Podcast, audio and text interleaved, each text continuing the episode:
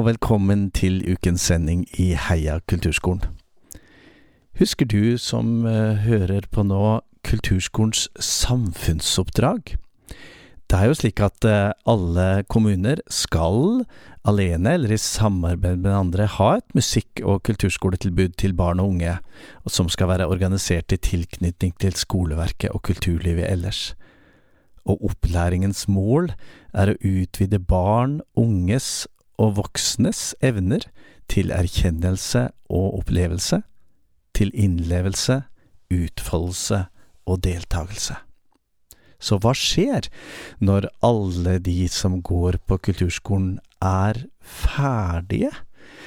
Når eh, barn og unge er blitt 17-18-19 år og skal videre ut i eh, skole og yrkesliv etter hvert? Er det en sammenheng for de som skal kanskje ut og ta en yrkesutdannelse innenfor kunstfagene? Eller er det et lite glipp eller gap eller en avgrunn imellom det de lærer på kulturskolen og det de møter på høyskole og universitet? I dag har vi snakket med Tine Fossmo om akkurat dette. Velkommen til Heia kulturskolen, eh, Tine Fossmo.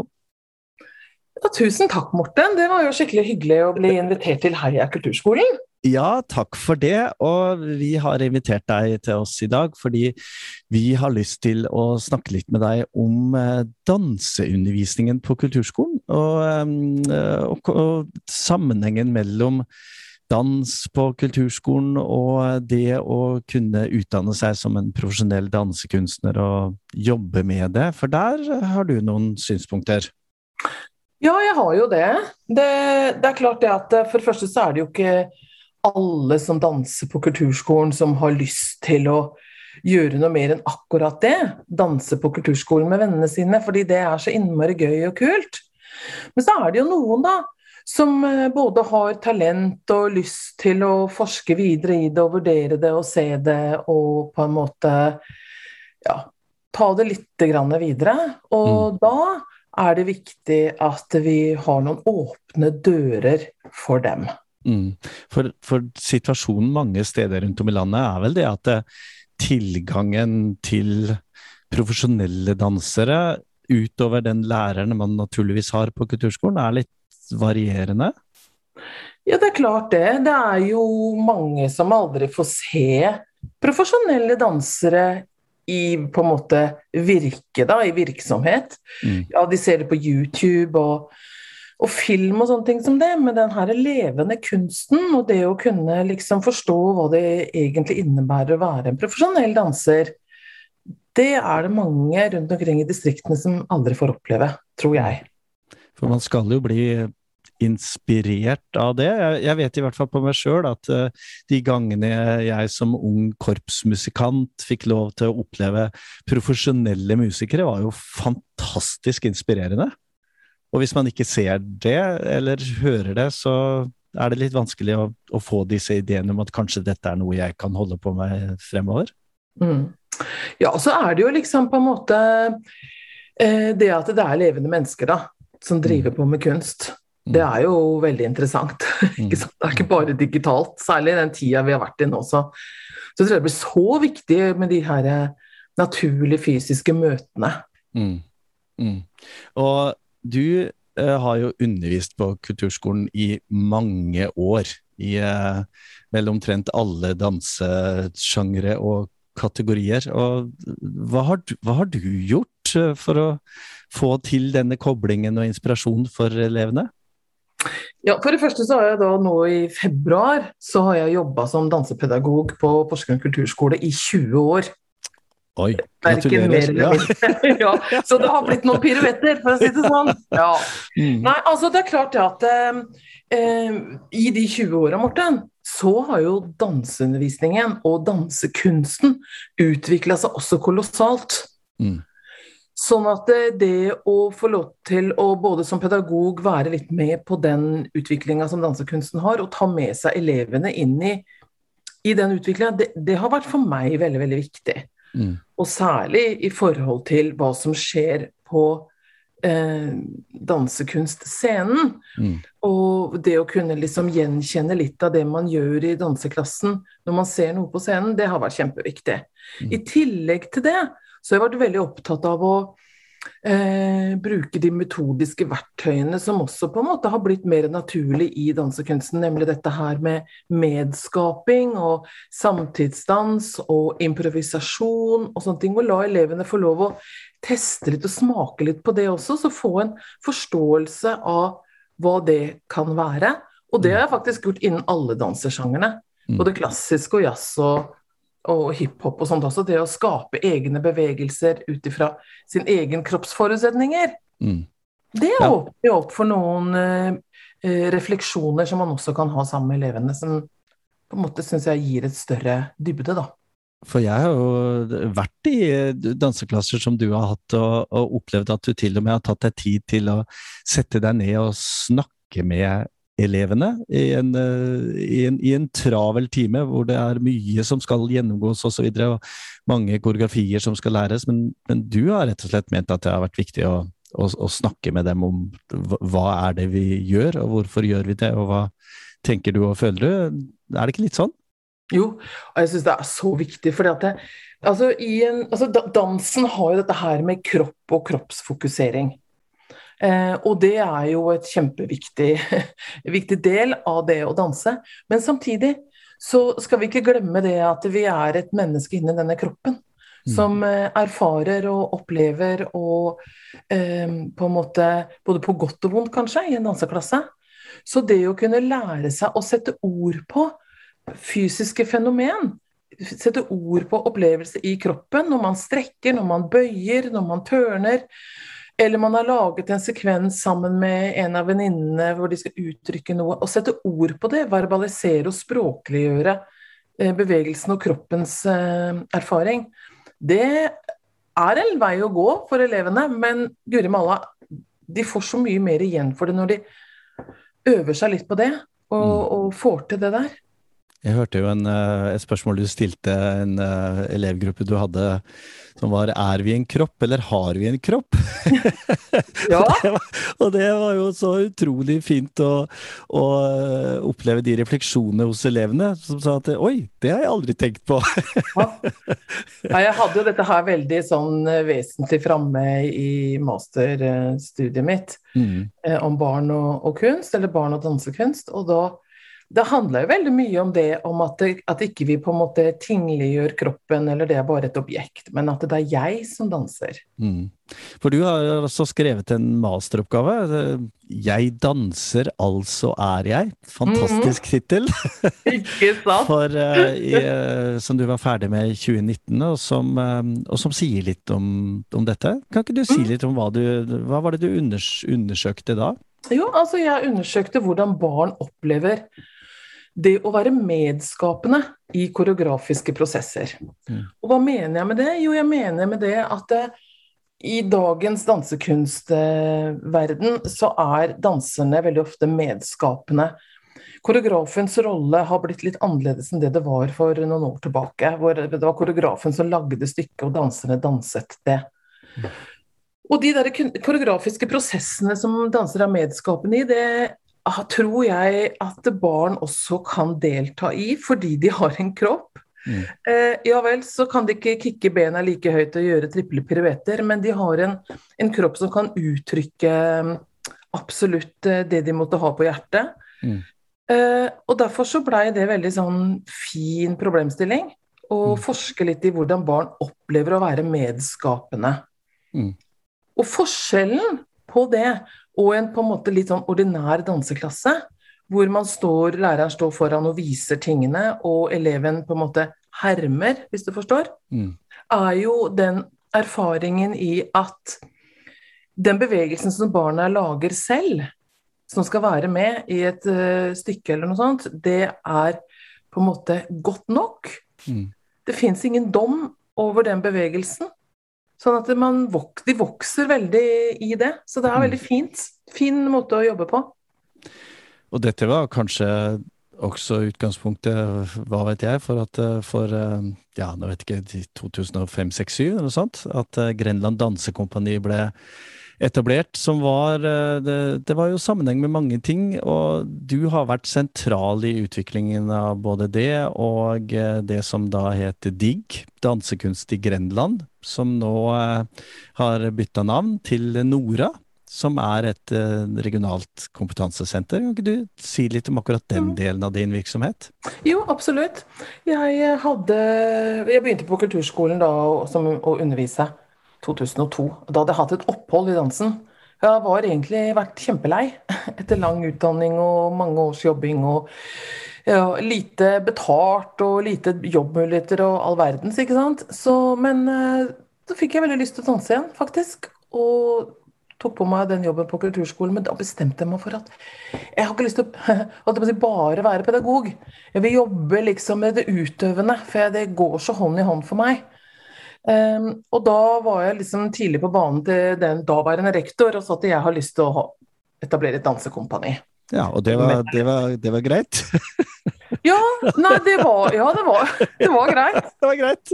Ja, jeg tror jeg var uh, veldig overbevisende, for ja. å si det sånn. Så uh, Ja, i hvert fall så, så, gjorde vi jo det, og um, det fikk en sånn pangstart, egentlig. Vi var med på en del sånne lokale, semiprofesjonelle forestillinger. Vi kaller det for stedsans. Der blei åpna seg på en måte en plattform hvor den på en måte utøvende dansen ikke hadde vært så synlig. Mm. Eh, for i Grenland så har vi aldri hatt noen profesjonell eh, scene for dans. Det har aldri vært det er musikk og det er teater og det er visuell kunst og ikke sant, på alle mulige måter. Men dansen den har kun foregått i dansestudio i en danseklasse. For det har jo vært danseundervisning i Grenland siden tidlig 60-tall. Mm. Så det har ikke stått på. Men plutselig så var dette her liksom en sånn rett timing, på en måte. Så vi hadde tre fantastiske år med Grenland Dansekompani hvor vi gjorde veldig mange ting og var veldig synlig, også for media. Mm. Løfta det opp, og Grenland har endelig fått sitt første dansekompani, og det blei liksom veldig fint, da. Mm. En annen ting som er veldig fint når det gjelder den perioden, er at det er veldig mange av de som var med, Eh, vi bytta jo ut eh, dansere hvert år med, gjennom audition og sånt, men alle, veldig mange som har vært med, er nå profesjonelle dansere. Mm. I Norge, rundt i Europa, mm. og eh, jobber for fullt. Så det er jo veldig stas. Så de kom fra, mange av de kom fra kulturskolen og ble med ja. i, i dansekompaniet, og det var veien til en profesjonell karriere som danser, rett og slett? Det var det. Det mm. var det. Mm. Så det har vært en veldig fin ting. Men eh, vi ønska jo å også profesjonalisere dette arbeidet. Det var naturlig å gå videre. Og i 2011 så fikk vi for første gang eh, støtte fra Norsk kulturråd mm. som et regionalt kompetansesenter for dans. Mm. Og da var det også helt i starten. Mm. For Kulturrådet har hatt en, de hadde en prøveordning i 2010. Altså det var 2011 var første året hvor de på en måte delte ut midler til det. Mm. Og siden 2011 så har vi da vært en del av den nasjonale, sakte voksende, gryende infrastrukturen for dansekunst i landet mm. vårt. Mm. Og um, i 2021, eh, nei 2020 så blei vi med i statsbudsjettet sammen med de andre kompetansesentrene. Og vi har jo blitt slått sammen til et stort fylke, Vestfold og Telemark, og det var naturlig for oss nå da å bytte navn til Nora. Nasjonal og regional arena for dans i Vestfold og Telemark. Mm. Og her er det jo nettopp muligheter til å koble undervisningen i kulturskolene i vår region, og det profesjonelle miljøet, og det gjør dere blant annet eh, ja, med Tid for dans.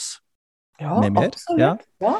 Og det er klart at uh, altså Kulturskolelæreren lever jo i sitt beste velgående i meg, selv om jeg akkurat nå per dags dato ikke underviser uh, så mye på kulturskolen med andre oppgaver. Men det er jo nettopp denne her brannen jeg alltid har hatt til å sette disse to tingene i sammenheng, nemlig undervisning av barn og unge og det profesjonelle utøvende dansekunstlivet.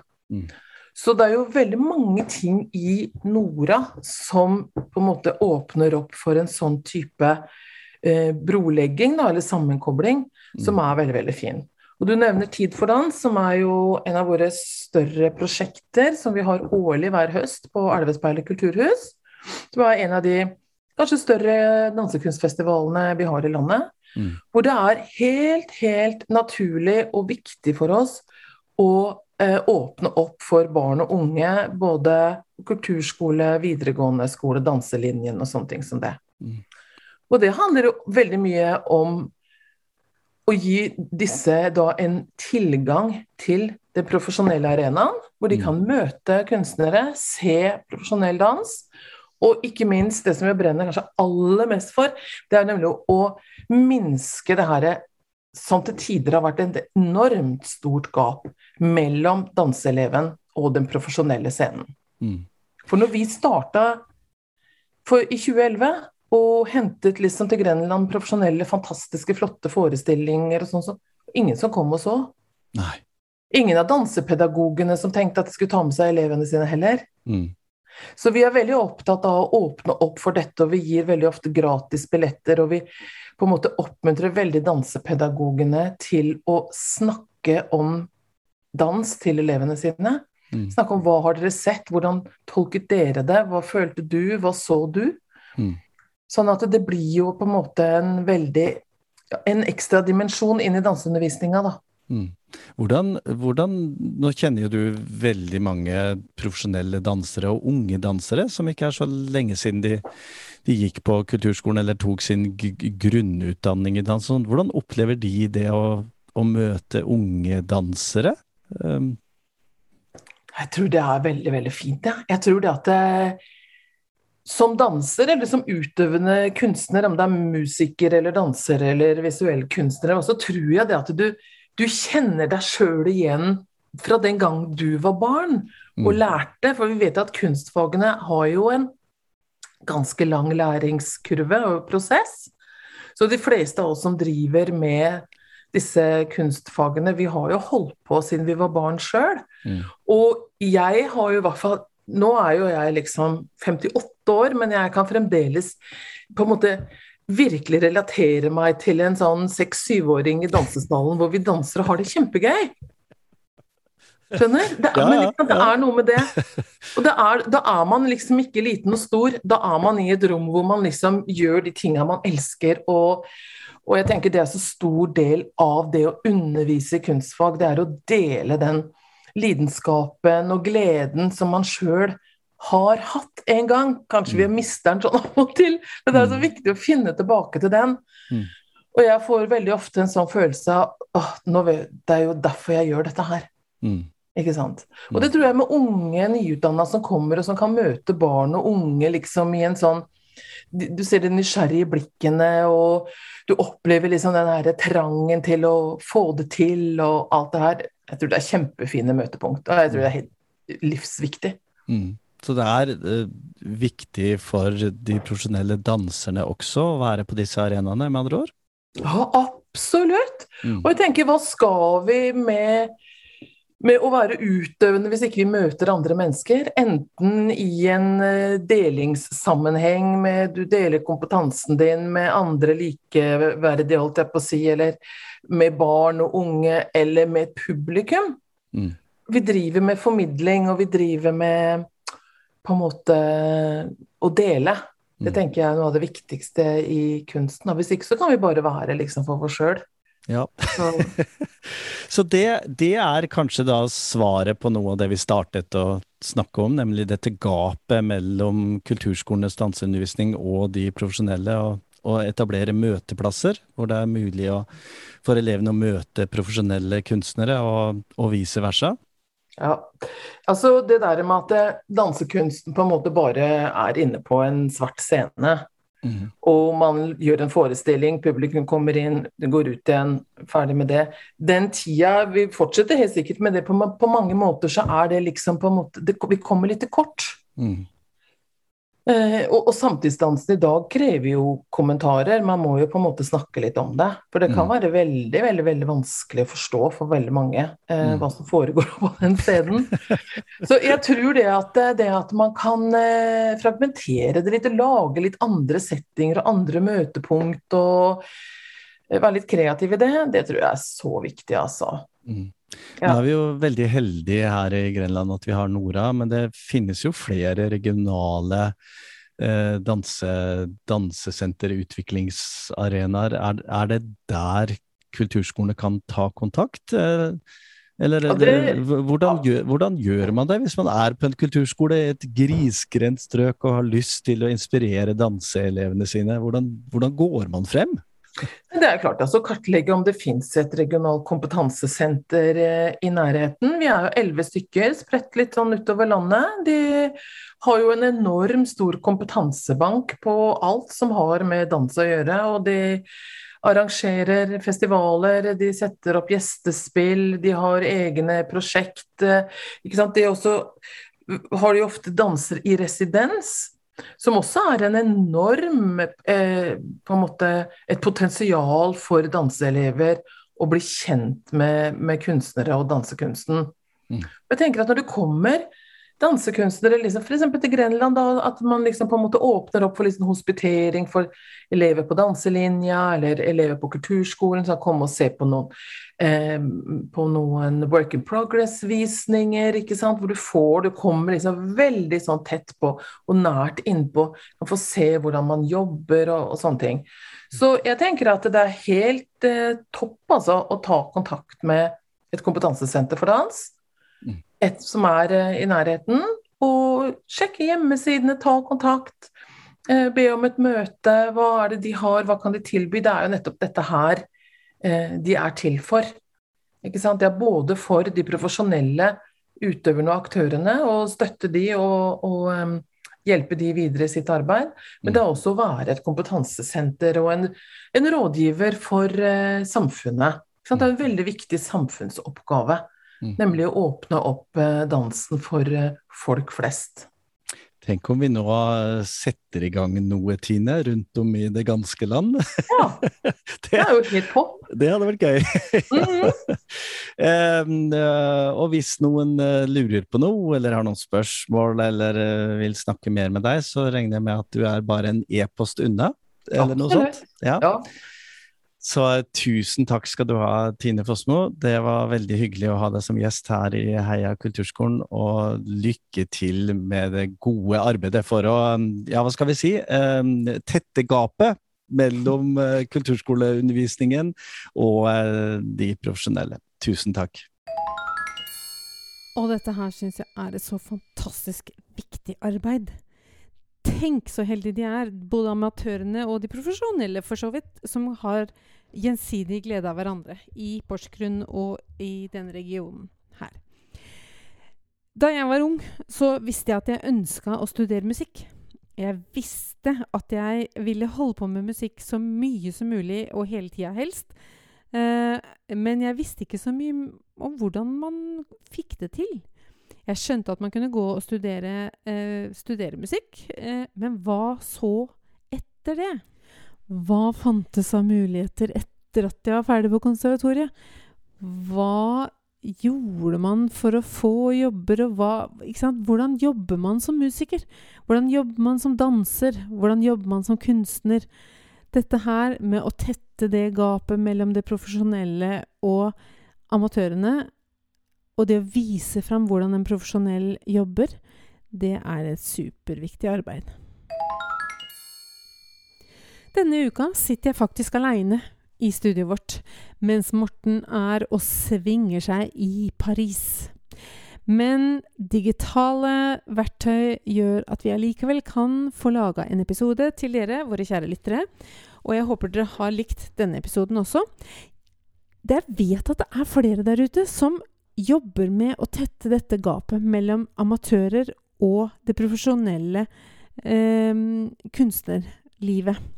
Så hvis det er noen av dere som har noen tips og ideer om hvordan dette her kan gjøres, så send oss gjerne beskjed. Så kan vi ta det opp her i Heia kulturskolen.